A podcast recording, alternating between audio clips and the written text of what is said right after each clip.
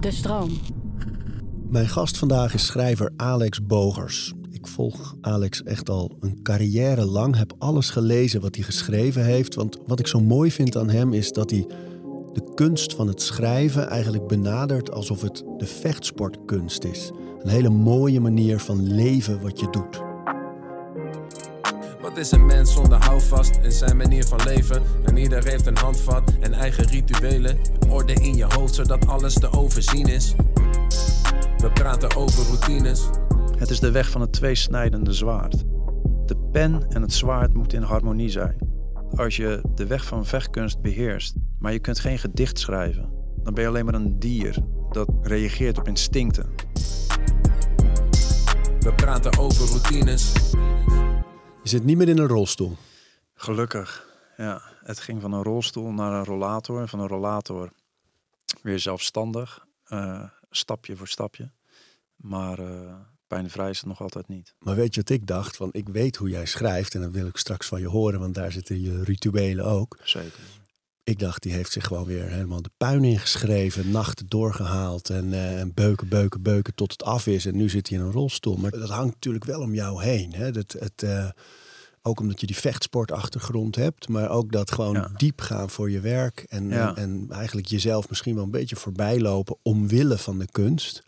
Ja, en dat vond ik dus ook zo naar en vervelend. Dat want, het een trucje leek. Ja, omdat ik dacht, ja, nee, dit, ja, ik wilde dat ik helemaal niet. En de, de presentatie vond een week plaats na, waarin ik dan in die rolstoel belandde. En die week kon ik echt niet lopen. Daar heb ik heel veel pijn gehad. En uh, letterlijke huilbuien van de pijn. Nou, dat heb ik niet snel. En dus de avond van de presentatie, uh, ik heb mezelf goed gehouden, maar het was, uh, weet je wel, ik zat niet aan de zware pijnmedicatie, ook dat wilde ik niet, want ik wilde toch scherp van geest zijn. En, uh, en het was een warm bad, er waren 200 mensen. Uh, het was druk bezocht. De burgemeester van Vlaardingen, het naamloze gat, kwam, uh, kwam langs om het eerste exemplaar in ontvangst te nemen.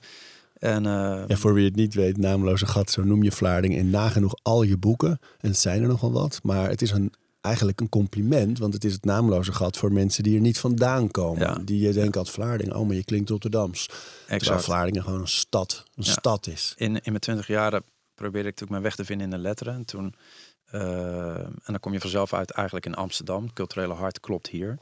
En um, toen was ik bij de uitgeverij. En, en zei ze van, ja, waar kom je eigenlijk vandaan? En ik zei eigenlijk heel trots. Vlaardingen, weet je wel. Dat is, ja, dat is, natuurlijk, wie kent dat niet? En, en toen zei oh, um, ja, dat, ik, dat weet ik eigenlijk niet. Toen zei ik, oh, uh, nou, Rot Rotterdam? Oh ja, ja, nu dat je het zegt, ik hoor het ook wel een beetje. En dacht ik, hm. en dat gebeurde me zo vaak, vooral in de hoofdstad, dat ik dacht, hm, buiten Vlaardingen kent eigenlijk niemand de stad.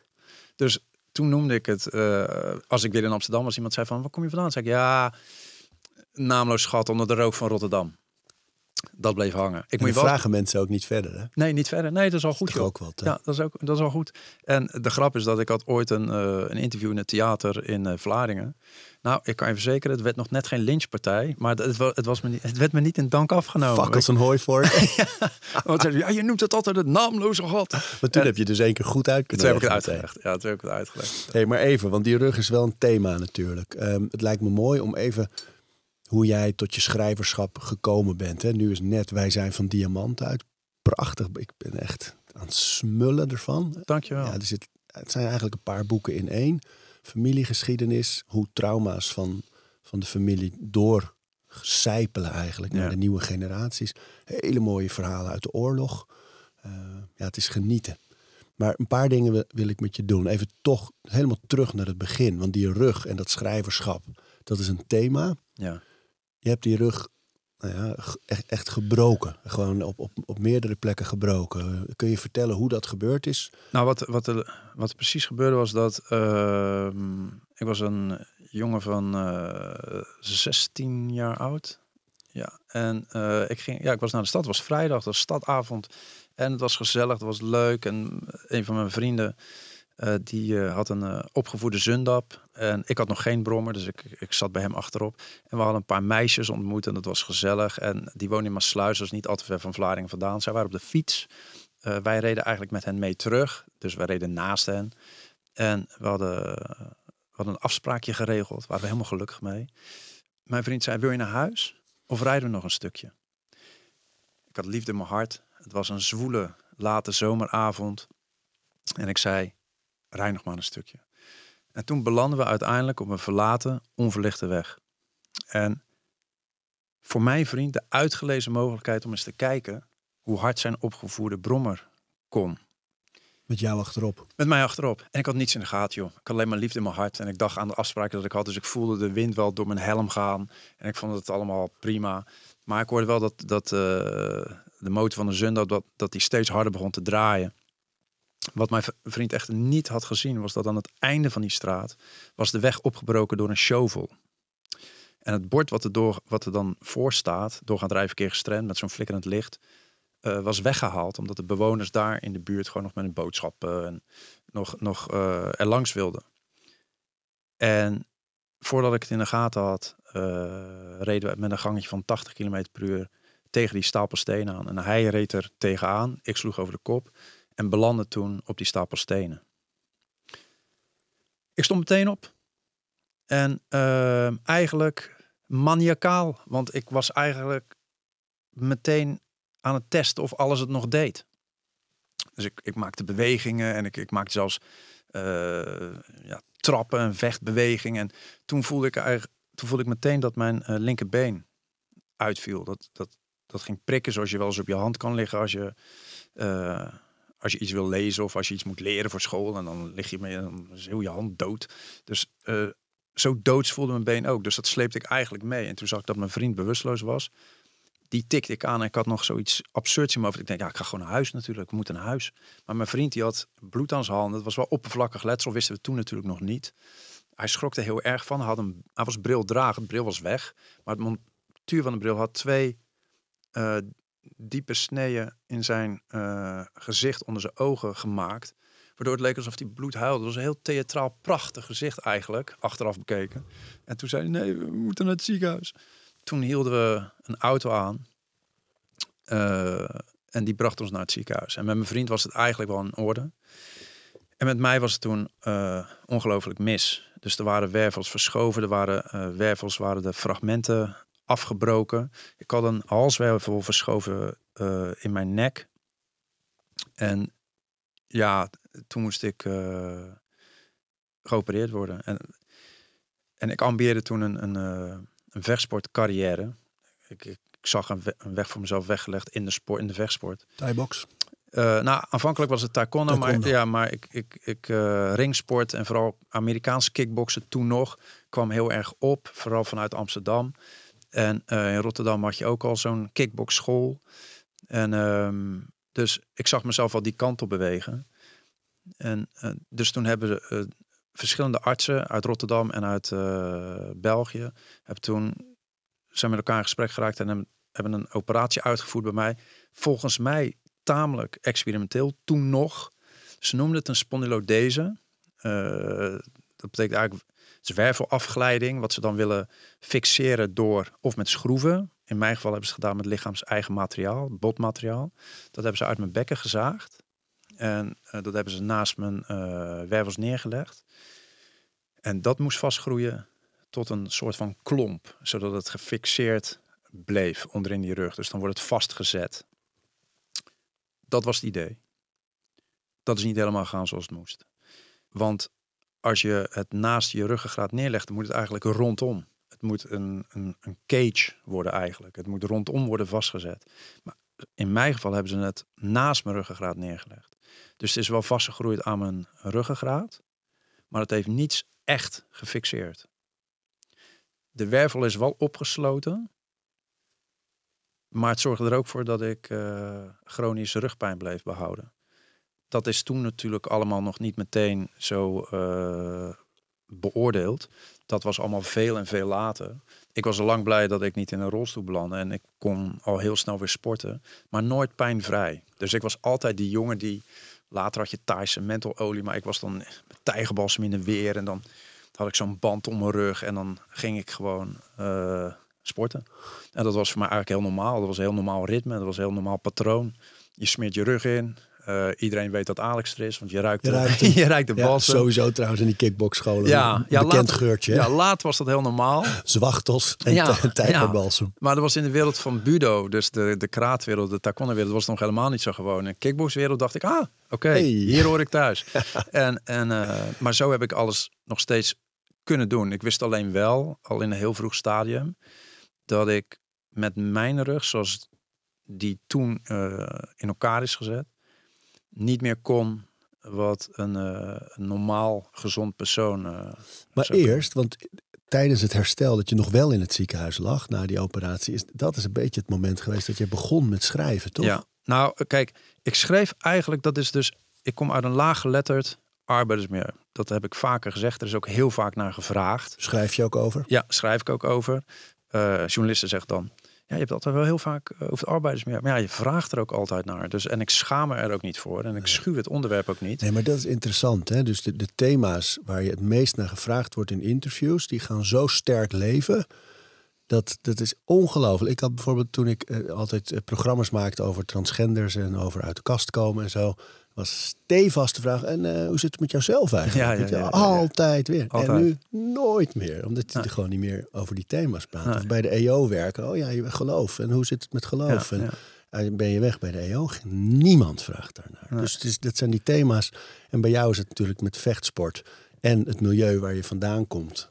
Wat ook nog eens het thema. Want je bent denk, denk ik met Auke Hulst zo'n beetje de enige schrijver die dat op echt, echt een mooie, goede manier kan ook. Hè? Over de, wat ze de marges van de samenleving noemen, schrijven. Nou ja, goed, uit dat milieu kom ik. En, ehm, dus ik schreef altijd al. Ik bracht het alleen nooit in verband met eh, de hoge literatuur. De, Dus- hoe kwam het dat je ging schrijven? Want dat vind ik zo bijzonder. Kijk, in Amsterdam of grote steden weet ik, dan komen kinderen op school in aanraking met van alles. Of ze komen uit een gezin waar veel gelezen Ja. wordt. En dat is bij jou allemaal niet. Nee, er was geen boekenkast thuis. Ik had altijd wel de drang eh, om, om iets met, met eh, lezen te doen. Dus ik was altijd wel op zoek. Maar ik vond het niet op school. Dus op de basisschool sowieso niet. Later op het voortgezet onderwijs ook niet. Met de verplichte lijsten en de, literatuur die je moet lezen. Eh, het leek ook altijd over andere mensen te gaan. Over andersoortige milieus. En daar kon ik mezelf niet echt in vinden. Dus het ging altijd over een oorlog. En die oorlog die vond dan altijd plaats kennelijk in Amsterdam. Uh, of het ging over een verrukkelijke dag in Amsterdam. Of er fietste iemand met een uh, ziek meisje achterop uh, langs de Amsterdamse grachten. En ik had helemaal niets tegen Amsterdam. Ik was er Even alleen. Kijken, de referenties waren Mulis, uh, Kampert, Wolkers. Daar. Nou, je zegt het. Maar en nogmaals, uh, ik had helemaal niets tegen Amsterdam. Ook niets tegen de schrijvers. Alleen, ik, ik herkende mezelf er gewoon niet zo in. En wat ik vaak bepleit, ook op school, als ik daar ja, over literatuur spreek, is... Ik denk voor jonge mensen is het heel belangrijk dat er eerst een vorm van uh, herkenning is, om vervolgens op verkenning uit te gaan. Dus natuurlijk wil je werelden leren kennen uh, die afwijken en anders zijn dan de jouwe. Maar misschien is het zeker als intrede in de literatuur eerst fijn en handig en vertrouwd als het een wereld is die je wel kent. En vanuit daar, van daaruit kun je stappen maken. Bijna alsof je vertrouwen moet opbouwen. Bijna wel, want zo'n boek, literatuur, is al een niche. Het is nooit bedoeld geweest voor het volk, voor iedereen. Het is altijd bedoeld geweest voor een hele kleine bovenlaag. En op het moment dat je het vertrouwd wil maken met iedereen, moet je eerst zorgen dat die vertrouwdheid er is. Dat vind ik belangrijk. Dus ik vond dat toen niet, maar ik schreef altijd wel. En maar daar, waarom? waarom? Ja, wat wat en, was de reden dat jij als dat jochie daar in die omgeving een pen pakte en ging schrijven? Ja, ik noem, ik noem, ik noem liter, of schrijven noem ik ook wel eens de, de, de, de kunst van de armoedzaaiers. Dus als je een drang voelt om iets te doen, om scheppend bezig te zijn, dan is een pen en een papier pakken eigenlijk het makkelijkste en het eenvoudigst wat er is. Een pen en papier heeft iedereen wel. En om dan je gedachten te vertalen naar het papier, is eigenlijk heel eenvoudig. En ik kwam uit een, een pittig milieu. Mijn ouders waren niet gelukkig met elkaar. Uh, wat maakt het nog meer pittig? Um, nou ja, dat er, er werd veel geschreeuwd, er werd veel gescholden. Uh, mijn moeder was, was een vrij dominante, autoritaire vrouw. Mijn vader was vooral een afwezige man. Dus als ik uit bed kwam, was hij al naar zijn werk. Um, als ik naar bed ging, was hij nog niet thuis. En als hij er wel was, sprak hij niet veel. Hij heeft altijd wel hard gewerkt voor het gezin, zolang hij was. En ja, mijn, dus in, in dat milieu voelde ik me gewoon niet echt thuis. En ik kennelijk voelde ik de behoefte om gedachten, niet zozeer de belevenissen die ik meemaakte of de ruzies die er thuis aan de gang waren, maar ik, ik wilde wegvluchten in een wereld die niet bestond. En die creëerde ik op papier. Alleen, ik bracht het nooit in verband met een boek of met een schrijver of met literatuur. Ik dacht, de boeken die ik moest lezen op school, daarvan dacht ik, ja, dat is niet wat ik doe.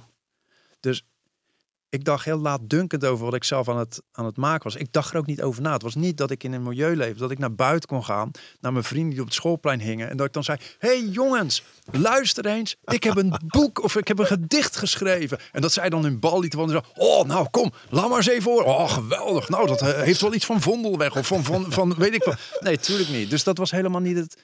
Zo, zo ging het ook helemaal niet. Dus het was eerder schaamte. En het was eerder een gevoel van een afwijking. Het was iets waarvan ik dacht, ik hoor nooit iemand anders hierover spreken, dus ik weet niet waarom ik het doe. De, het veranderde toen ik in het ziekenhuis lag. Ik was eigenlijk altijd alleen maar lichaam. Zonder dat ik het door had dat ik ook wel geest was, voelde ik me alleen maar lichaam. Ik was een onstuimige jongen, ik had veel energie. Ik was altijd met vechtsport bezig. Ik was altijd uh, aan het trainen, ik was altijd aan het sporten. En uh, ik dacht, hier ligt mijn leven dit is wat ik wil doen. En toen ik ineens in dat ziekenhuis belandde en ik kon letterlijk niets meer. Er staat hier een glas water. Als ik dat wilde pakken, dan moest de verpleegkundige komen. Die bracht het dan naar mijn mond en dan kon ik vanuit een rietje kon ik wat water opzuigen. Als ik s'nachts wilde slapen, mocht ik echt, zelfs na die operatie, op mijn zij liggen. Maar dan moest, uh, moest ik een verpleegkundige bellen. Die bracht me dan met een soort fysiotherapeutische handeling, uh, legde ze me dan op mijn zij. Maar ik weet niet precies hoe jij slaapt, Arie. Maar op een gegeven moment wil je wel weer draaien. Draaien moest je weer verpleegkundige bellen. En legde hij dan weer.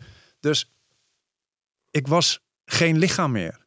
Ik, was, ik, ik had alleen nog maar uh, alles wat zich in mijn hoofd bevond.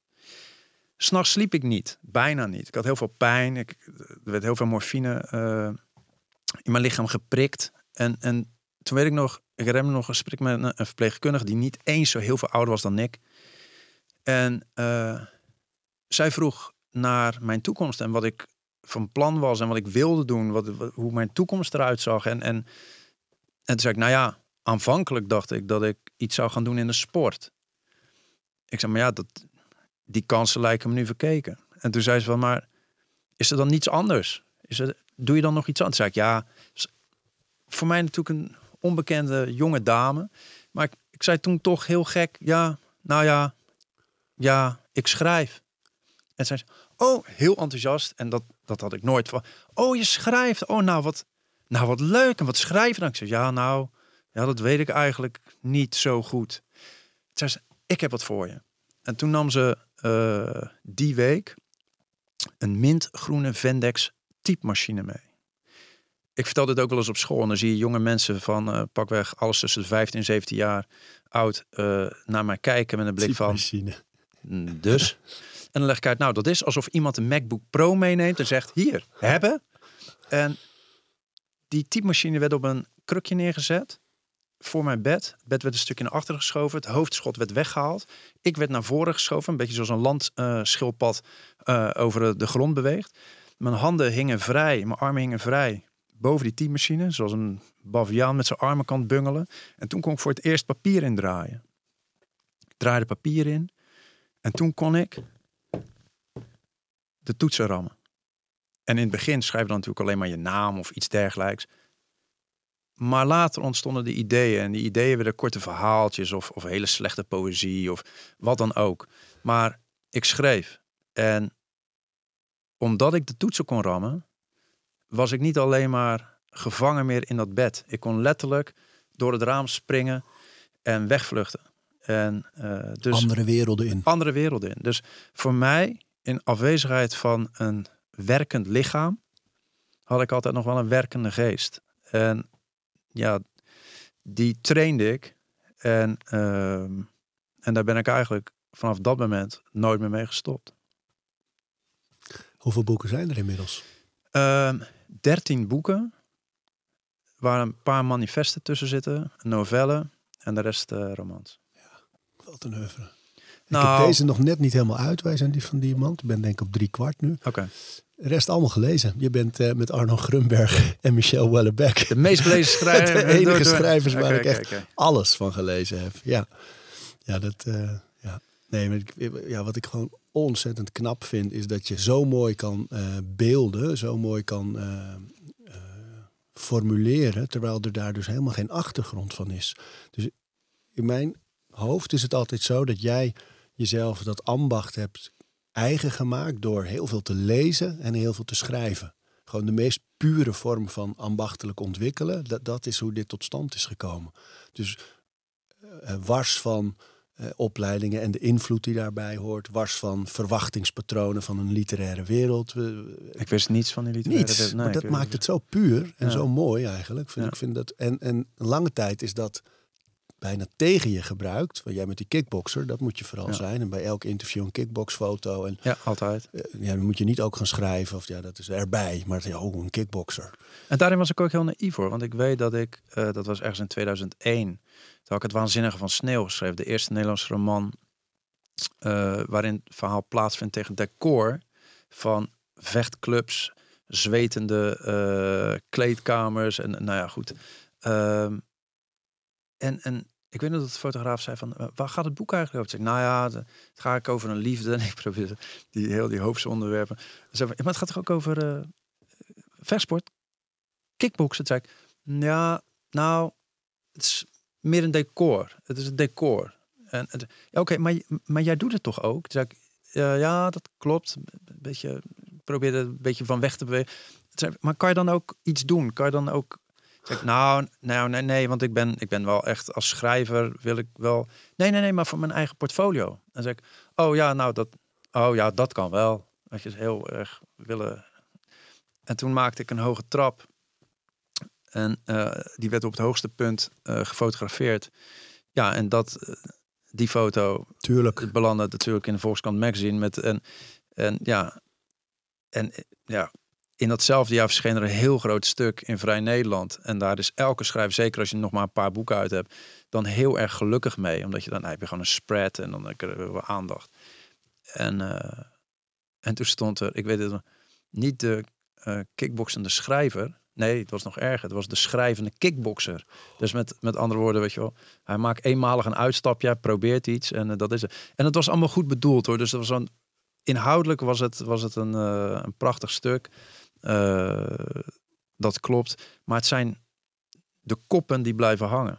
En, en dus ik word nog wel eens geïntroduceerd als eh, de kickboxende schrijver. En ja, ik vind dat toch altijd wel eh, bijzonder. Want is Abdelkader Benali dan de, de, de schrijvende kok? Want hij heeft ook wel eens een kookboek geschreven, begrijp ik, met zijn vrouw. Is Ronald Gippard dan eh, de, de schrijvende voetballer? Want die, eh, die heeft zich toch wel een tijdje bezig gehouden met voetbal. En ook een voetbalboek geschreven zelfs. Ehm, Ja, het, het, stigma rond met name kickboksen is natuurlijk zo stevig. Dus, dus je hebt dan bijvoorbeeld de nobele sport boksen. Je hebt eh, Ja. Roberto Bolaño, die zeer succesvol schrijver, die bokst ook. Ja. Maar, en dat is dan, dat past intellectueel, lijkt het meer bij kunst. ja. Maar John Irving is professioneel Worstelaar. worstelaar geweest. Ja, En die wordt misschien wel eens geïntroduceerd als de worstelende schrijver, maar nooit als de schrijvende nee, worstelaar. maar ook daar weer, omdat het zo'n oude Romaanse, Greco-Romaanse Ja, sport is. En daar zit er weer iets bij, dat het ook weer een historie en een en kickboksen zijn de stigma's, eh, net als bij rappers. Ehm, weet je, er zal nooit staan. ehm, eh, Dammer, die en die heeft eh, Nee. verkrachting, eh, wat dan ook, in een nieuwsbericht. Maar rapper of eh kickbokser is Ja. altijd het stigma, is altijd Ja. weer dat stempel. Heel moeilijk van los te komen. Dat is het. En ik moet ook heel eerlijk zeggen dat ik loop er nu zeker niet meer voor weg. Eh, in het begin was ik naïef en dacht ik er niet over na. Toen merkte ik het effect daarvan. Toen dacht ik, oké, eh, kennelijk word ik gezien als, als die vechtsporter. Dat is niet wat ik ben. Ik ben meer dan dat. En toen bewoog ik er vandaan. Toen werd ik ook een beetje kopschuw. Weet je? Dus als mensen zeggen, ja, maar je doet gewoon vechtsport. dan van, het gaat om mijn werk. Ik, ik, ik schrijf literair werk. Ik wil graag dat het daarover gaat. Eh, nu maakt het me eigenlijk niet zo heel veel meer uit. Het heeft meer te maken met de journalist of de interviewer aan zich. Ja. En, eh, Maar weet je wat ik er mooi aan vind? Is dat dat, dat patroon is denk ik voor heel veel mensen herkenbaar. Dat, dat je begint ergens mee en dan ben je gewoon. Dan komt er altijd een periode dat je of iets gaat nadoen... of iets juist heel erg niet wil zijn. En dan, Ja, ja, ja. dan raak je ook van jezelf verwijderd. En op een gegeven moment komt het zelfvertrouwen en de zekerheid... en Ja. in jouw geval het oeuvre, dat je gewoon kan zijn weer. En dan, eh, dan wordt het ineens ook, krijgt het meerwaarde. Want dan schrijf je ineens de zonen van Bruce Lee bijvoorbeeld. Eh, waarin je dat hele pad van Bruce Lee doorwandelt. En de lessen die je daaruit kan halen op een literaire manier over de nobele vechtsport. Ja. En, dat, Eh. en, dat, en dat wilde ik altijd al. Prachtig. Het moment was alleen nooit daar. En op een gegeven moment dacht ik, ja. En Bruce heeft zelf gezegd, voordat ik de kunst eh, bestudeerde, bestudeerde eh, was een trap gewoon een trap en een stoot gewoon een stoot. Toen ik de kunst ging eh, bestuderen, was een trap niet langer een trap en een stoot niet langer een stoot. Nu dat ik de kunst begrepen heb, is een trap gewoon een trap en een stoot gewoon een stoot. En ehm, ja, zo kijk ik eigenlijk ook naar hoe ik naar mezelf kijk als, als eh, wat ben ik? Ik denk dat, het, dat je ook wat dat betreft nu de wind in de zeilen hebt. Omdat de tijd anders is geworden. Weet je, nu, de generaties nu zijn gewoon altijd meer dingen aan het doen. Ja. Dat is ook heel mooi. Ik denk het enige gevaar kan zijn, ehm, is dat als je het vergelijkt met iemand die aan het klimmen is, hè, op het moment dat hij een tasje meesjouwt en toch nog moet klimmen met die andere hand, dan, dan je komt er ook wel uiteindelijk. Je gaat nog wel vooruit, maar het gaat natuurlijk sneller met twee handen. Ja, En die focus, focus op één ding, alleen maar dat doen. eh, Ja, dan gaat waarschijnlijk, eh, is de productie hoger, de ontwikkeling misschien meer. Maar het mooie is dat dat dus niet hoeft. Nee. En dat ze elkaar ook kunnen versterken. Jij bent een, en een fantastische kickbokstrainer die notabene iemand drie keer wereldkampioen heeft eh, begeleid. Ehm, eh, bij in Rotterdam. Jee. Eh, gelukkig een hele mooie tak opgetuigd. Ehm, dus weet je, dat ben je gewoon ook. En je schrijft die mooie boeken. Ja, ik vond het ook, ik vond het ook altijd zo, zeker in de beginjaren, en dan spreek ik echt over alles rondom het millennium. Ik begreep het ook niet. Want ik had zelf filosofie gestudeerd, niet afgemaakt, maar wel gestudeerd. En ook Oosterse wijsbegeerte. Ik hield van de weg van de samurai. En ik hield van die hele, eh, van die opvatting, die je ook terugvindt in Budo. Dat als je de weg van vechtkunst beheerst en je bent een strijder, je bent een vechter. Maar je kunt geen gedicht schrijven. Je kunt het penseel niet hanteren en je kan geen canvas beschilderen met een prachtige kalligrafie of met een, met een, figura- Zachte, beheerste bewegingen. Ja, dus als je dat niet kan, dan ben je een barbaar. Dan ben je alleen maar een dier dat reageert op instincten. Dus dat kan vechten, dat kan overwinnen en dat kan ten onder gaan. Als je de weg van de vechtkunst niet beheerst, maar je beheerst alleen maar de weg van de hoge kunsten, of dat nou poëzie is of schilderkunst of muziek, en je beheerst niet eh, de kunst van het lichaam, de kunst van het bewegen, dan ben je niet compleet. Dan ben je niet volledig. In het oosten streven ze ernaar om een compleet mens te zijn, een homo universalis. Daar draait het om. Dus je moet beide takken, beide disciplines kunnen beheersen. Dat vergt een compleet leven. Dat, dat vraagt een levenslange toewijding. Daartoe ben ik bereid. Daartoe was ik altijd bereid. Dus toen ik mijn stappen maakte in de letteren, en ik had natuurlijk al mijn stappen gemaakt in de vechtkunst, begreep ik nooit waarom er zo beperkt gekeken werd. Want ik kwam vanuit die Oosterse visie en daarin was het helemaal niet, niet raar. Dus, en hoezeer ik het ook probeerde uit te leggen, hoe ik ook heb gesproken met verschillende journalisten, het kwam nooit op die manier over. Totdat ik begreep dat ik het gewoon los moest laten. En dat heb ik ook gedaan. Maar ik sta er nog steeds eigenlijk op dezelfde manier in. Het is de weg van het tweesnijdende zwaard. Dus de pen en het zwaard moeten in harmonie zijn. Weet je wat ik ook zo mooi vind aan, aan die theorie die jij nu eigenlijk heel mooi omschrijft? Dat sport in bredere zin en vechtsport zeker, helemaal op die manier van kijken zoals jij nu net beschrijft, is een van de weinige plekken die je nog traint in lange termijn voldoening. Dus alles in onze tijd is instant gratification, hè? Ja. korte termijn voldoening. Ja. Het moet nu, het moet snel. Ik zet het op shuffle. Als het niet snel genoeg gaat, ga ik naar het volgende. Nu, nu, nu. Dus de spanningsboog in ontwikkeling en in groei en in doorzetten is ook veel korter voor de meeste mensen. Terwijl sport traint je in die lange termijn. Ik, als jij vandaag met mij gaat trainen, dan zeggen we vanmiddag misschien was lekker, maar we, we merken verder niks. We zien niks, we voelen niks, behalve een fijn gevoel misschien. Maar qua ontwikkeling is er niks. Dat is echt pas veel verderop. Dus die, die spanningsboog zo rekken eigenlijk en naar de lange termijn durven kijken en weten daar komt het en daar ben ik bereid voor te werken. Dat is een hele unieke opgave in onze tijd. Het is heel waardevol.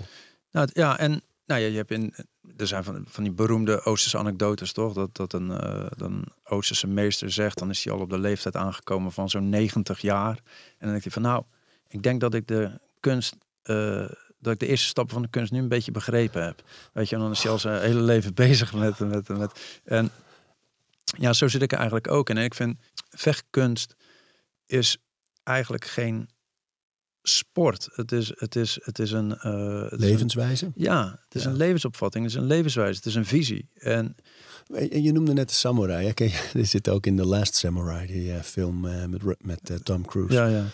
Zit ook dat een van die samurai eh, op een gegeven moment tegen hem zegt: Je kan een leven lang zoeken naar de perfecte bloesem. En hem aan het einde van je tijd niet gevonden hebben. En toch een fantastisch, zinvol leven hebben Ja. geleefd. Dat, Ja. dat zoeken. Dat... Maar wat is het dat jou zo aanspreekt in die manier van leven? Dat, dat diepgaan, dat. Nou, het is, het, het- ik ben door de vechtkunst misvormd geraakt en tegelijk heeft het me alles gegeven om het te kunnen redden in het leven. Dus, en met misvormd bedoel ik, er is in de budo vooral, is, is de drang, bestaat de drang tot perfectie. Dat zie je ook in een heleboel van de Japanse kunsten terugkomen. De drang tot perfectie. Ik heb toen ik Koreaans karate, taekwondo eh, volgde, ik, ik durf niet te beweren hoeveel, maar ik heb duizenden trappen gemaakt. Eén specifieke trap. Elke dag weer. Nooit was hij goed. Altijd was er commentaar. Hij was nooit perfect. Als je zeven jaar bent en je begint daarmee, dan ontstaat er in je hoofd dat perfectie is waar je uiteindelijk moet uitkomen. Dat is waar het om gaat. Dat vraagt eeuwenlange toewijding. Dat vraagt een, een, een levenslange instelling om, om uiteindelijk je, je bezig te houden met die trap of met die stoot. Of, of eh, met een bepaalde beweging. Daar draait het om. En ik merkte al heel snel dat ik dat wilde. Ik wilde die perfectie. Het, het heeft te maken met een soort dat je een bepaalde controle hebt over jezelf. En dat je voelt dat het niet alleen het lichaam is wat je leert beheersen, maar dat het ook je geest scherpt.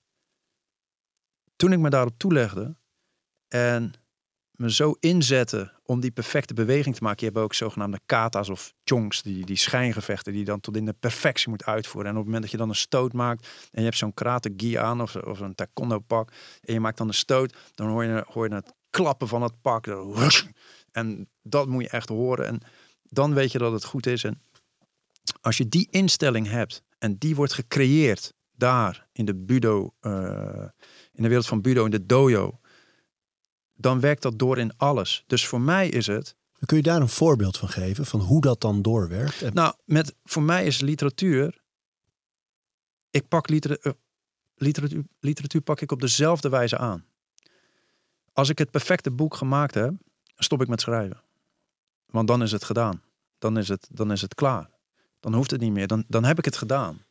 Dus wanneer het boek af is, ben ik aan de ene kant blij dat ik iets heb voltooid. En tegelijk weet ik, het is niet goed genoeg. Het is nooit goed genoeg. Ben ik ermee bezig, dat is alsof ik duizend keer dezelfde trap aan het oefenen ben.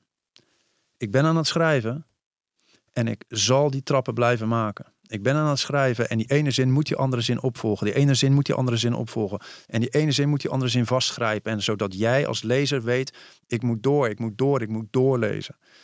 Het gaat me niet om ego. Zodat je bijvoorbeeld als je zinnen maakt, dat je met een opgeblazen ego achter je toetsenbord zit en dat je denkt, ik heb weer een geniale zin geschapen met een punt, komma en het gaat het, het, het zwierig, het gaat alle kanten op, zodat jij als lezer voelt Dat de schrijver jou probeert te imponeren. Dat de schrijver jou probeert eh, te laten zien wie hij is. Ik probeer mezelf te verliezen. Dat ik niet aanwezig ben, maar dat het verhaal aanwezig is. Dat het volledig draait om het verhaal. En dat kan alleen maar als je jezelf ondergeschikt maakt aan de kunst. En dat is in dit geval de literatuur. Maar dat kan ook vechtkunst zijn. En dat kan ook schilderkunst zijn. Jij, het ego, doet er niet toe. Het verhaal doet er toe. Het kunstwerk doet er toe. Het muziekstuk doet er toe. De beweging doet er toe. En als je je daarop toelegt, dan ben je je hele leven bezig om te kijken of je uit kan komen bij het perfecte werk. En als je dat hebt bereikt, ja, dan ben je dicht bij uh, onze lieve Heer. Dan ben je dicht bij het goddelijke gekomen. Nirvana. Ja, en die toewijding is exact hetzelfde. Het gaat uiteindelijk om het verkruimelen van het ego. Het ego en het, en, en het talent kunnen nooit hetzelfde doel dienen. Dus voor mij is een boek schrijven is bijna als een gebed. Je bent bezig, je, je, je, het is een soort meditatie, je komt erin. De ene zin moet de andere zin opvolgen. En daar geloof ik in, in het ritme. Het, het ritme wat je op de een of andere manier niet kunt vangen. Je kunt er naar op zoek. En wanneer je het voelt en vindt, dan bepaal jij het ritme niet. Het ritme bepaalt zichzelf. Jij moet mee. Jij bent de knecht die schrijft. Jij bent de knecht die de woorden moet maken.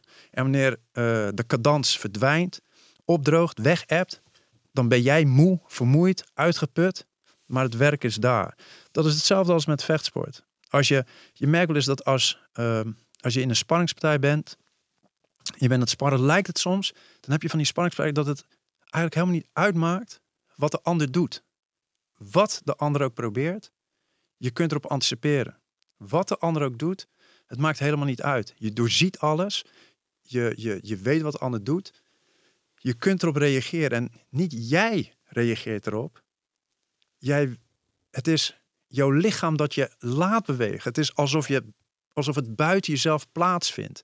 Het ego is verkruimeld en je laat het lichaam het werk doen. Want je hebt je een leven lang ingespannen om die bewegingen te trainen. Ik vind het zo lekker om zo naar jou te luisteren. Als je op die manier over het schrijven en de vechtsport en waar het elkaar raakt ja. uh, praat. En ik dacht ook toen je zei van uh, of het nou schilderkunst, dacht ik ineens aan je zoon Kaya. Um, um, prachtige uh, kunst is die aan het maken. Ja, heeft deze gemaakt. Heeft ook het omslag gemaakt. Wij zijn diamant, maar um, zit op de Willem de Koning nog. Nee, hij zit net klaar. HKU, HKU. in Utrecht. Ah, Hij studeert fine art. Hij zit in het examenjaar. ah. Ja, ja, maar, maar daar dacht ik aan van. Deze aflevering van Overroutines wordt aangeboden door Squarespace. Een alles in één platform waar je je eigen website kunt bouwen en beheren. Het maakt niet uit of je producten, diensten of je passie met de wereld wil delen. Het kan allemaal bij Squarespace. Ik noem even kort drie handige functies van het platform. Met het ontwerpsysteem kan je makkelijk je website vormgeven en het helemaal eigen maken. Squarespace analyseert hoe je website presteert en wat er voor nodig is om je bedrijf online verder te laten groeien. En ook kan je abonnementen en exclusieve content aanbieden aan betalende leden. Start nu je gratis proefperiode via squarespace.com/overroutines en ben je klaar om je website echt te lanceren? Gebruik dan de code overroutines, dan krijg je 10% korting op je eerste aankoop van een website of domein. In jouw geval, als je zo nobel bezig bent met leven eigenlijk, met, met, je, met je kunsten, met de vechtsport en met eigenlijk alle dingen die je doet, doe jij vol overgave. Er zitten geen compromissen. Hoe is dat in opvoeding? Wat, wat geef je hem mee? Ehm, ik ben ooit naar een, eh, een psycholoog geweest. Niet dat ik meteen het gevoel dat ik eh, die nodig had, maar het ging uiteindelijk om inderdaad mijn manier, een manier van opvoeden, een manier van kijken. Ik wilde gewoon weten. Ik had het over die misvorming van die drang tot perfectie. Geef je dat ook door, onbewust? En toen had ik een gesprek met een psycholoog en die vroeg toen aan mij, en die gebruikte toen ook tekenen. En kon natuurlijk niet weten dat mijn zoon al heel fanatiek aan het tekenen was. Maar voor een jong kind is tekenen een, een, ja, een, een uiting. En die zei, als je zoon nou met een tekening bij je komt, om te laten zien hoe goed hij is, hoe reageer je daar dan op? Uh, toen zei ik, nou, dan zeg ik dat hij mooi is, dat het een mooie tekening is. En dan ga ik er inhoudelijk op in. Dus dan zeg ik van, nou, eh, je hebt dit gedaan, je hebt dat gedaan. En nou, misschien kan je dit nog doen, misschien kan je dat nog doen. Toen zegt hij, oh, dus het is niet goed genoeg. En toen dacht ik, Mm, zeker, dat is wel goed genoeg. Alleen, kan ja, altijd beter. ik, ja, ja het- je kan altijd, weet je. Dat, dat kan. Oh man, en, ja. en, en toen dacht ik, en toen legde ik het ook uit. Dan zei ik van ja, maar eh, mijn tantes en, en, en mijn moeder, die hadden, ja, die, hadden, die hadden zware levens. Die waren bezig met van alles en nog wat, weinig tijd voor de kinderen. Dus als ik wel eens een tekeningetje had gemaakt en ik ging ermee naar mijn moeder, zei ze, ja, mooi. Bijvoorbeeld, weet je wel. En dus ik heb dat op, opgepikt als weinig aandacht. Dus niet, geen inhoudelijke aandacht. Dus ik dacht, als ik er echt op inga, dan weet mijn zoon, ik zie je. Ik, ik heb je gezien. Ik zie je. Het gaat goed. Maar misschien kan je dit ook nog doen. Weet je, dus een soort van uitdagen om te kijken wat er nog meer in zit. Dat vond die psycholoog niet goed. En dat vond ik weer niet goed van de psycholoog. En Heb je Kaya wel eens gevraagd hoe hij het vond? Ehm, hij heeft het nooit als zodanig ervaren. Dus hij vond het nooit bezwaarlijk. Van niet van voor mijn vader moet alles perfect zijn. Nee, maar ik heb wel gemerkt dat eh, die, die drang tot perfectie, dat, dat kan een ziekte zijn, daar moet je, daar moet je voorzichtig mee zijn. Dus eh, mijn zoon mag ook genieten van het feit dat hij iets goeds heeft gedaan. En ik denk dat ik daarin te streng ben geweest. Dat ik zo in budo ben opgegroeid, dat ik in afwezigheid van een eh, vader die er dan voor mij was, moeder die dan eigenlijk heel druk bezig was met, eh, met ja, letterlijk overleven. dat, ik, dat ik het universum van Budo, die, die, die, die vechtsportruimte, de dojo, dat ik dat dat voor mij mijn opvoeding werd. Ook omdat je dus niet een soort voorbeeld had van, oh zo doe je dat, vader zijn. Ja, nou had ik niet. Dus grijp, grijp je het uit die wereld die je wel ja, die ik wel. En, en daarin draait het om, eh, nou ja, streven naar perfectie. Zorgen dat het, eh, dat je. En dat merk ik nu ook bij mijn zoon eh, in zijn werk. Hij werkt maniacaal. Die pentekeningen, dat, dat zit ook heel veel. Ja, en, en nou ja, en nu ook dan in zijn olieverf. Ja. En, en ehm, ja, en ik, ik, ik zie mezelf daarin. Ik zie Hoe mezelf vind je dat?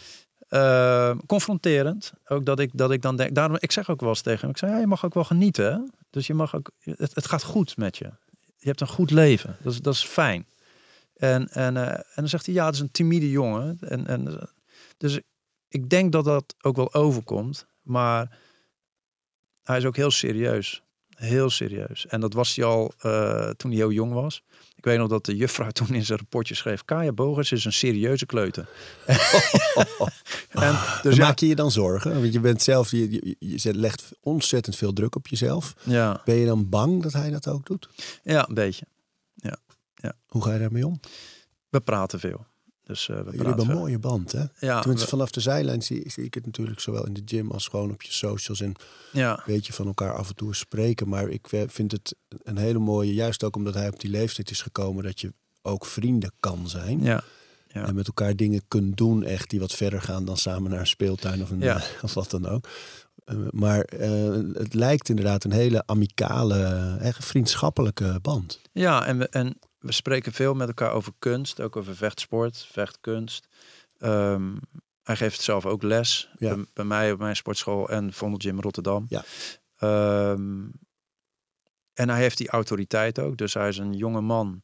Maar ik kan zien aan hem dat hij zijn stap heeft gemaakt in die, in die eh, vechtsportwereld. Dat hij ook dezelfde wetten van budo, van vechtkunst gebruikt. Ook in zijn kunst, ook in de schilderkunst. Dus ik zie een vergelijkbaar pad. En daar hoort ook een bepaalde strengheid bij. Die, eh, waarmee je naar jezelf kijkt. En waar zit, want je zegt net, hè, van het gaat goed, dat moet je echt even benadrukken. Van je, je, mag, je mag ook trots zijn, je mag blij zijn. Zeker. Ehm, even los van hem, ook bij jezelf. Hè, van hoe, hoe bouw je dat in? Dat je dan even tevreden bent met bijvoorbeeld nu weer het succes van dit nieuwe boek. De mooie recensies, het, het verkoopt goed. Er is, weet je, het gaat, het gaat goed met de schrijver, Ja, lijkt ja. het. In ieder geval vanaf de zeilen. Maar heb, hoe zit dan bij jou het, vreugdemoment of even het ventiel Ja. losdraaien? Bij mij ligt het anders dan bij mijn zoon. Ik durf te zeggen dat mijn zoon in, in een eh, goed milieu opgroeit. Liefhebbende vader, liefhebbende moeder. We zijn bij elkaar, bij elkaar, we hebben aandacht voor hem.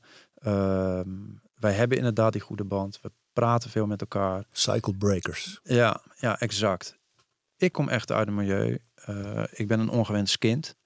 Eh, mijn vader was niet mijn biologische vader. Die heb ik pas op mijn 27ste leren kennen. Eh, ik was de jongen die er niet toe deed. Ik was de jongen die er niet hoorde te zijn. En het was nooit goed en het was ook nooit goed genoeg. En als ik er niet was, dan zou het voor iedereen beter zijn geweest. En dat is niet wat ik denk, dat is wat tegen mij is gezegd. En, dat, en ik was ook het dubbeltje dat nooit een kwartje zou worden. Dus dat waren hele rigide uh, opvattingen, strenge uitspraken. En die hebben zich wel ergens in mijn DNA streng uh, vastgegrepen. Waardoor het. Ik, ik kan heel moeilijk genieten.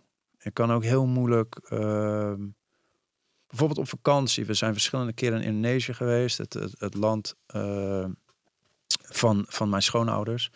Ehm, en dan geniet ik echt wel met mijn gezin. Maar ik geniet meer door hun ogen. Dus als ik alleen zou zijn, zou ik er nooit, zou ik er niet eens naartoe hoeven te gaan.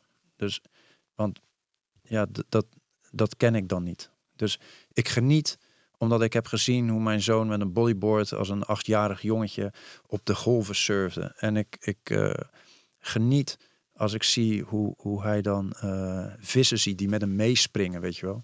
Uh, dan geniet ik. Wanneer is geniet anders eigenlijk? Want ik herken dat heel erg. Dat Weet je, er zit ontzettend veel geluk in eh, je ouders met je kinderen zien. Of je kinderen dingen voor het eerst te zien doen. En te lachen en te, te springen. En te, je, daar zit, of ik kan ook heel erg blij worden als ik mijn vrouw gelukkig zie in bepaalde situaties. Maar ja, wanneer is het anders eigenlijk? Nou, het is anders als je zelf iets maakt waar je bijvoorbeeld trots op kunt zijn. Heb je dat nooit? Heel zelden. En dan durf ik trots niet uit te spreken. Want trots, daar dat heeft dan ook weer met ego te maken. En wanneer ego om de hoek komt kijken, dan komt er ook ijdelheid. En wanneer er ijdelheid is, uh, dan komt er eigenlijk alweer een soort verstoring van, van de realiteit. En ik probeer toch echt wel doortastend naar mezelf te kijken. Dus op het moment dat, dat je over trots spreekt, dan dat, op school wordt dat ook wel eens gevraagd. Als ik school, op welk boek bent u het meest trots? Ja, en dan zeg ik dat ja, trots. Ik kan zien wat ik met elk boek heb gedaan en heb geprobeerd en waar het soms goed is gegaan en soms niet. En daarom komt er weer een nieuw boek. En elk boek heeft zo zijn eigen weg afgelegd. Uh, is geschreven in een tijd waarin er het een en ander speelde. En dan ben ik blij dat het misgelukt. Dat wel. Daar kan, ik kan blij zijn dat het misgelukt. Weer is gelukt. Maar. Uh... En, en, en ik, ik moet er ook om lachen, omdat ik herken ook wel dat bij mij. Bijvoorbeeld is het in interviews altijd dat mensen denken: ja, ben je wel eens boos of ben je wel eens. Oh ja, ja, ja, ja, ja, zo positief. Is wat zo blij. alsof, er, alsof er ook maar een mens bestaat die altijd alleen maar positief is. Hoe vaak je ook over zelfmoord van vrienden of zelfmoordpogingen van broers of verslaving of wat. Hoe vaak je ook vertelt, het stigma blijft altijd zo positief. Als, ja. Bij jou hangt dat hele serieuze eromheen. Je, je, ik betrapte mezelf, en daarom moet ik er nu om lachen. betrapte mezelf erop dat ik nu wilde vragen. En nu zit je te glimlachen en je lacht te hard op. Maar wanneer is er eens een schaterlach bij, bij Alex nou? Ik Toen dacht ik, nee man, wat maakt, tuurlijk is die er. Ja, nou de mensen die me echt kennen, mijn kleine kring. Ik kan heel gezellig zijn hoor, Arie. nee, maar het is, het is mijn kleine kring. Die, uh, die kent me als, als degene met de... Met de, de moppetapper. Nou, moppetapper is dan net... maar als, als, als de man van de anekdotes. En dan gaat het er vooral om, om de ander te vermaken. En om de ander mee te nemen. En, en, uh, dus dat kan, ik, dat, kan ik, dat kan ik heel goed, denk ik. Hoop ik. En, uh, en ik hou ook van vermaak. Maar dit is ook genoeg, want ik weet dat ik, ik stoor me er zelf namelijk aan, vaak aan als die vraag komt in een interview. En dan denk ik, ja, nee, natuurlijk niet, want elk mens heeft al die facetten. Ja. En toch merkte ik dat ik benieuwd ben en vind ik het soms ook mijn taak om dan een vraag te stellen, omdat ik denk dat die bij een luisteraar bijvoorbeeld ook uh, ja, snap kan ik. spreken. Maar, maar, nu denk ik ook, nee, dit is meer dan genoeg. Ik, ik wil niet, dat is niet mijn, uh, mijn pad in, in een gesprek. Ja, het, is, het, het heeft echt te maken met het werk, weet je wel. Dus op het moment dat je, kijk ik ga, naar, ik ga heel vaak naar scholen, Arie. Ja, en, mooi. En, en uh, dan gaat het over leesbevordering, gaat het over literatuur. Ik stef altijd weer als ik voor zo'n groep sta duizend doden. Want je zit voor een ongewenst publiek. Het is een publiek dat jou daar niet wil hebben. Het zijn mensen die helemaal niet zitten wachten op wat jij te vertellen hebt. Hoeveel boeken je ook hebt geschreven. Het maakt geen indruk. Het intimideert zeker niet. En het imponeert ook niet. Dit is een mooi ritueel eigenlijk. Want je, dan doe je dus bewust duizenden keren. Ja, Inmiddels denk ik. Honderden sowieso. Iets waar je echt tegenop ziet. ja, Dat, dat, is dat, karaktervormend. hè? ja, en dat zie ik ook. Ik zie er ook echt tegenop. Wat doe jij daarvoor als we het hebben over rituelen? Hè? Dus vlak voordat je een podium opgaat en je moet een zaal toespreken. Of luisteraars dat nou doen voor hun werk of eens een keer in een vergadering of Ja, ja, op ja. een verjaardag of op een borrel. Maar een groep toespreken is voor iedereen eng. Wat doe je vlak daarvoor? Als het een grote groep is, ik heb het dan voornamelijk over jongeren. Dus als, we, als het eh, verschillende groepen bij elkaar zijn in een aula. Dan eh, hoor ik de docenten, het zijn er vaak een paar. eh, de groep gebouwd dat ze moeten gaan zitten, dat ze kalm moeten zijn. Rustig, stilte, bla bla bla. Eh, wat ik dan doe is, ik loop eigenlijk aan de zijkant. Als een roofdier loop ik heen en weer. Dus sommige kinderen, jonge mensen zien mij. Anderen interesseert het ze eigenlijk niet eens. En dan loop ik heen en weer. En wat ik doe is, ik, ik, ik zuig de energie op van wat er op dat moment hangt. Zo ervaar ik dat in elk geval. Dus dat ik dan denk, oké. Ik hoor ook altijd in mijn, ah, oké, zo'n groep. En dat bedoel ik niet eh, disqualificerend of wat dan ook, maar ik denk van, ah, oké, zo'n groep. En ehm, dan ga ik eh, het podium op. En dan heb ik microfoon in mijn handen. En dan eh, heel veel gelach, heel veel tumult. En je moet nog steeds, het moet nog steeds dalen. En wanneer het dan helemaal gedaald is. En het is rustig. En dan kijk ik ze eigenlijk allemaal een beetje aan. En dan zeg ik... eh, hoi. En dan zie je die hele groep naar elkaar kijken. En die zegt dan massaal... Hoi. Terug. En eigenlijk is dan het ijs gebroken. En dan weten ze van... Ah, oké. We kunnen gewoon zijn. We kunnen gewoon doen. En, eh, want zo benader ik ze. Schitterend. En als het dan, als dan mensen herrie maken, of dan zeg ik van, eh, wacht even jongens, ik ben, dadelijk, ik ben nog even bezig, dan kunnen we dadelijk. En dan is meteen, oh ja, ja, sorry, sorry. En niet, niet van boven naar, naar die groep kijken die dan eh, beneden is. Nee, gewoon, je kijkt gewoon aan. Je kijkt gewoon aan. Je, gaat, je vertelt gewoon een verhaal. En eh, dat is de enige manier. De enige manier hoe ik tegenover een groep kan staan, is eigenlijk eh, figuurlijk gesproken naakt. Dus je moet in volledige kwetsbaarheid tegenover zo'n groep staan. En dat natuurlijk, er zijn momenten dat het eh, mis kan gaan, maar je moet durven falen. Je moet groots durven falen. Dat is eigenlijk het allerbelangrijkste. Als je dat niet eh, kan en je probeert dat allemaal maar te voorkomen, dan, eh, dan gaat het mis. Want dan ben je al eigenlijk bezig met muren opbouwen die je juist niet moet hebben, want dan kun je die mensen niet bereiken. Dus je moet durven falen. Groots en meeslepend het liefst. Hey, één laatste ding. Want er is, zijn ontzettend veel mooie scènes in dit nieuwe boek. Wij zijn van Diamant. Eh, het is als luisterboek te vinden. Het is als e-book te vinden. En uiteraard in de boekwinkel. Ehm, er zit een scène in. Een personage. eh, vijf meisjes in huis. Jongetje wordt een beetje in, in, een, in een werkkamertje, een studeerkamer geduwd. Ja. Eh, daar mag jij slapen. Maar dat is een, een ehm, studeerkamer. Omgeven met boeken. Alle muren, zelfs de ramen, komt bijna Ja. geen licht meer door. Want er staan ook boeken in de Ja. ramen. Boeken, boeken, boeken. Maar het is geen lezer. Nee. Alleen op een gegeven moment verveelt hij zich zo dat hij een boek pakt. En wat gebeurt er dan?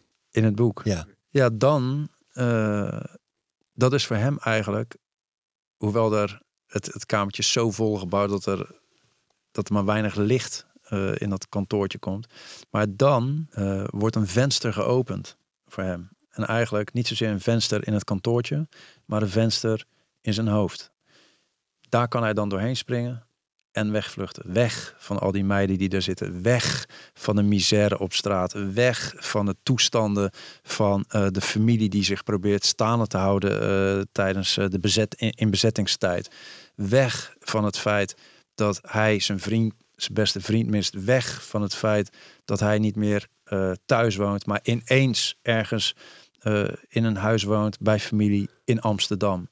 En niets doet er meer toe behalve het verhaal. En eigenlijk is dat ook waar het om draait. De kracht van verhalen vertellen. De kracht om wanneer je een verhaal daadwerkelijk leest, dat je zo wordt weggenomen uit je uh, dagelijkse situatie, uit je misère. Daar vandaan kun je de wereld veroveren. En dat is eigenlijk wat deze jongen dan voelt en, en merkt. En dat zie je ook in de actualiteit. Ehm, welke beelden gingen ehm, toen, toen de oorlog was uitgebroken in Oekraïne, welke beelden gingen de, de wereld over?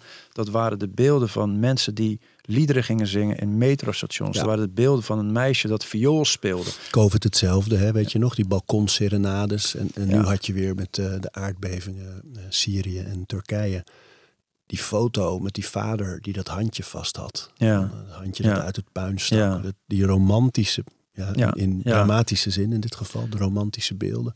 Ja, dat zijn de verhalen. Hè? Ja, dus verhalen. Het, is, het, is, de, het is de troost. Het is, de, het, is, het is de kracht van verhalen. Dan is ook de troost van kunst. kunst hoe werkt dat? Hoe, hoe werkt het dat als ik me eh, in een benarde situatie bevind, drama in mijn leven, uh, ongeluk, misère, hoe, hoe haalt een verhaal me daar dan uit? In de eerste plaats door je eigen verbeeldingskracht. En dat heeft dan weer te maken met overgave. Dus voordat jij uh, weg wil gaan uit de situatie waarin je zit, moet je je durven over te geven aan iets anders. Anders zit je alleen maar in de ellendige situatie waarin je zit, of welke situatie dan ook. Durf je jezelf over te geven, dan open je vensters sowieso naar andere werelden, naar uh, andere mogelijkheden. Als het dan jou iets geboden wordt, dus in mijn geval, toen ik jong was, als mij een boekenkast geboden zou zijn, uh, dan had ik waarschijnlijk eerder mijn weg gevonden naar de letteren. Die duurde nu iets langer. Als je dan een boek vindt, of een instrument, of uh, een pen, of een penseel, dan is dat jouw uitvlucht, dan is dat jouw weg naar buiten. En uh, daarmee wil niet gezegd dat er altijd aan de basis van kunst lijden moet staan. Maar in mijn geval gaat het wel zo op. Dus het heeft met noodzaak te maken. Hè? Ja, dat zijn verkrachte termen, noodzaak, urgentie, maar... Uh, Verkracht als in holle frazen worden te vaak opgevoerd als het gaat over kunst. Ja, en dat is jammer.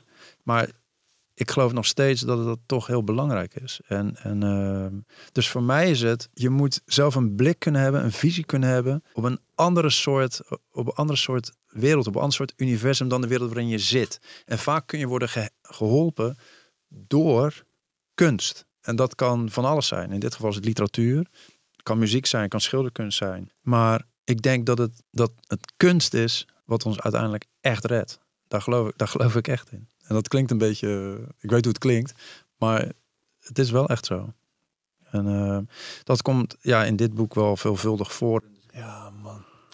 Wij zijn van Diamant is het nieuwste boek van Alex. Eh, de zonen van Bruce Lee uh, hebben we hier ook op tafel liggen. Is ook absoluut een aanrader. Maar als je Alex opzoekt, kom je een flink oeuvre tegen met een heleboel sterkste meisje van de wereld. Ook erg mooi. Ja. En nou ja, dit, het, zijn er, het zijn er veel. Ed Alex Bogers is je Instagram, hè? Klopt, Zit je nog op andere kanalen? Nou, ik, ja, uh, Facebook. En ik heb een Twitter-account, maar daar doe ik absoluut niets mee. Dus, nee, Zegt hij met nadruk. Ja, daar doe ik absoluut niets mee. Nee, nee, nee, Alex, dank dat je er was, man. Bedankt dat je me hebt gevraagd. We praten over routines. Je luisterde naar Over Routines. En vond je deze aflevering leuk? Druk dan op volg. Dan mis je niks meer. We praten over routines. Dankjewel voor het luisteren. En voordat je weer doorgaat naar andere dingen, wil ik je nog even wijzen op Over Inspiratie. Dat is het mailtje dat ik elke donderdag rondstuur met drie tips. Dingen waar ik zelf veel aan gehad heb. Het kunnen producten zijn, artikelen die ik gevonden heb online, onderzoeken uh, Instagram-accounts, podcasts, boeken, van alles eigenlijk. En ik denk dat je daar zelf ook veel aan kunt hebben. Dus vind je het leuk om dat mailtje elke week te ontvangen? Dan kun je je opgeven op ariboomsma.nl onderaan de pagina. Dan krijg je voortaan elke donderdag in je mailbox over inspiratie.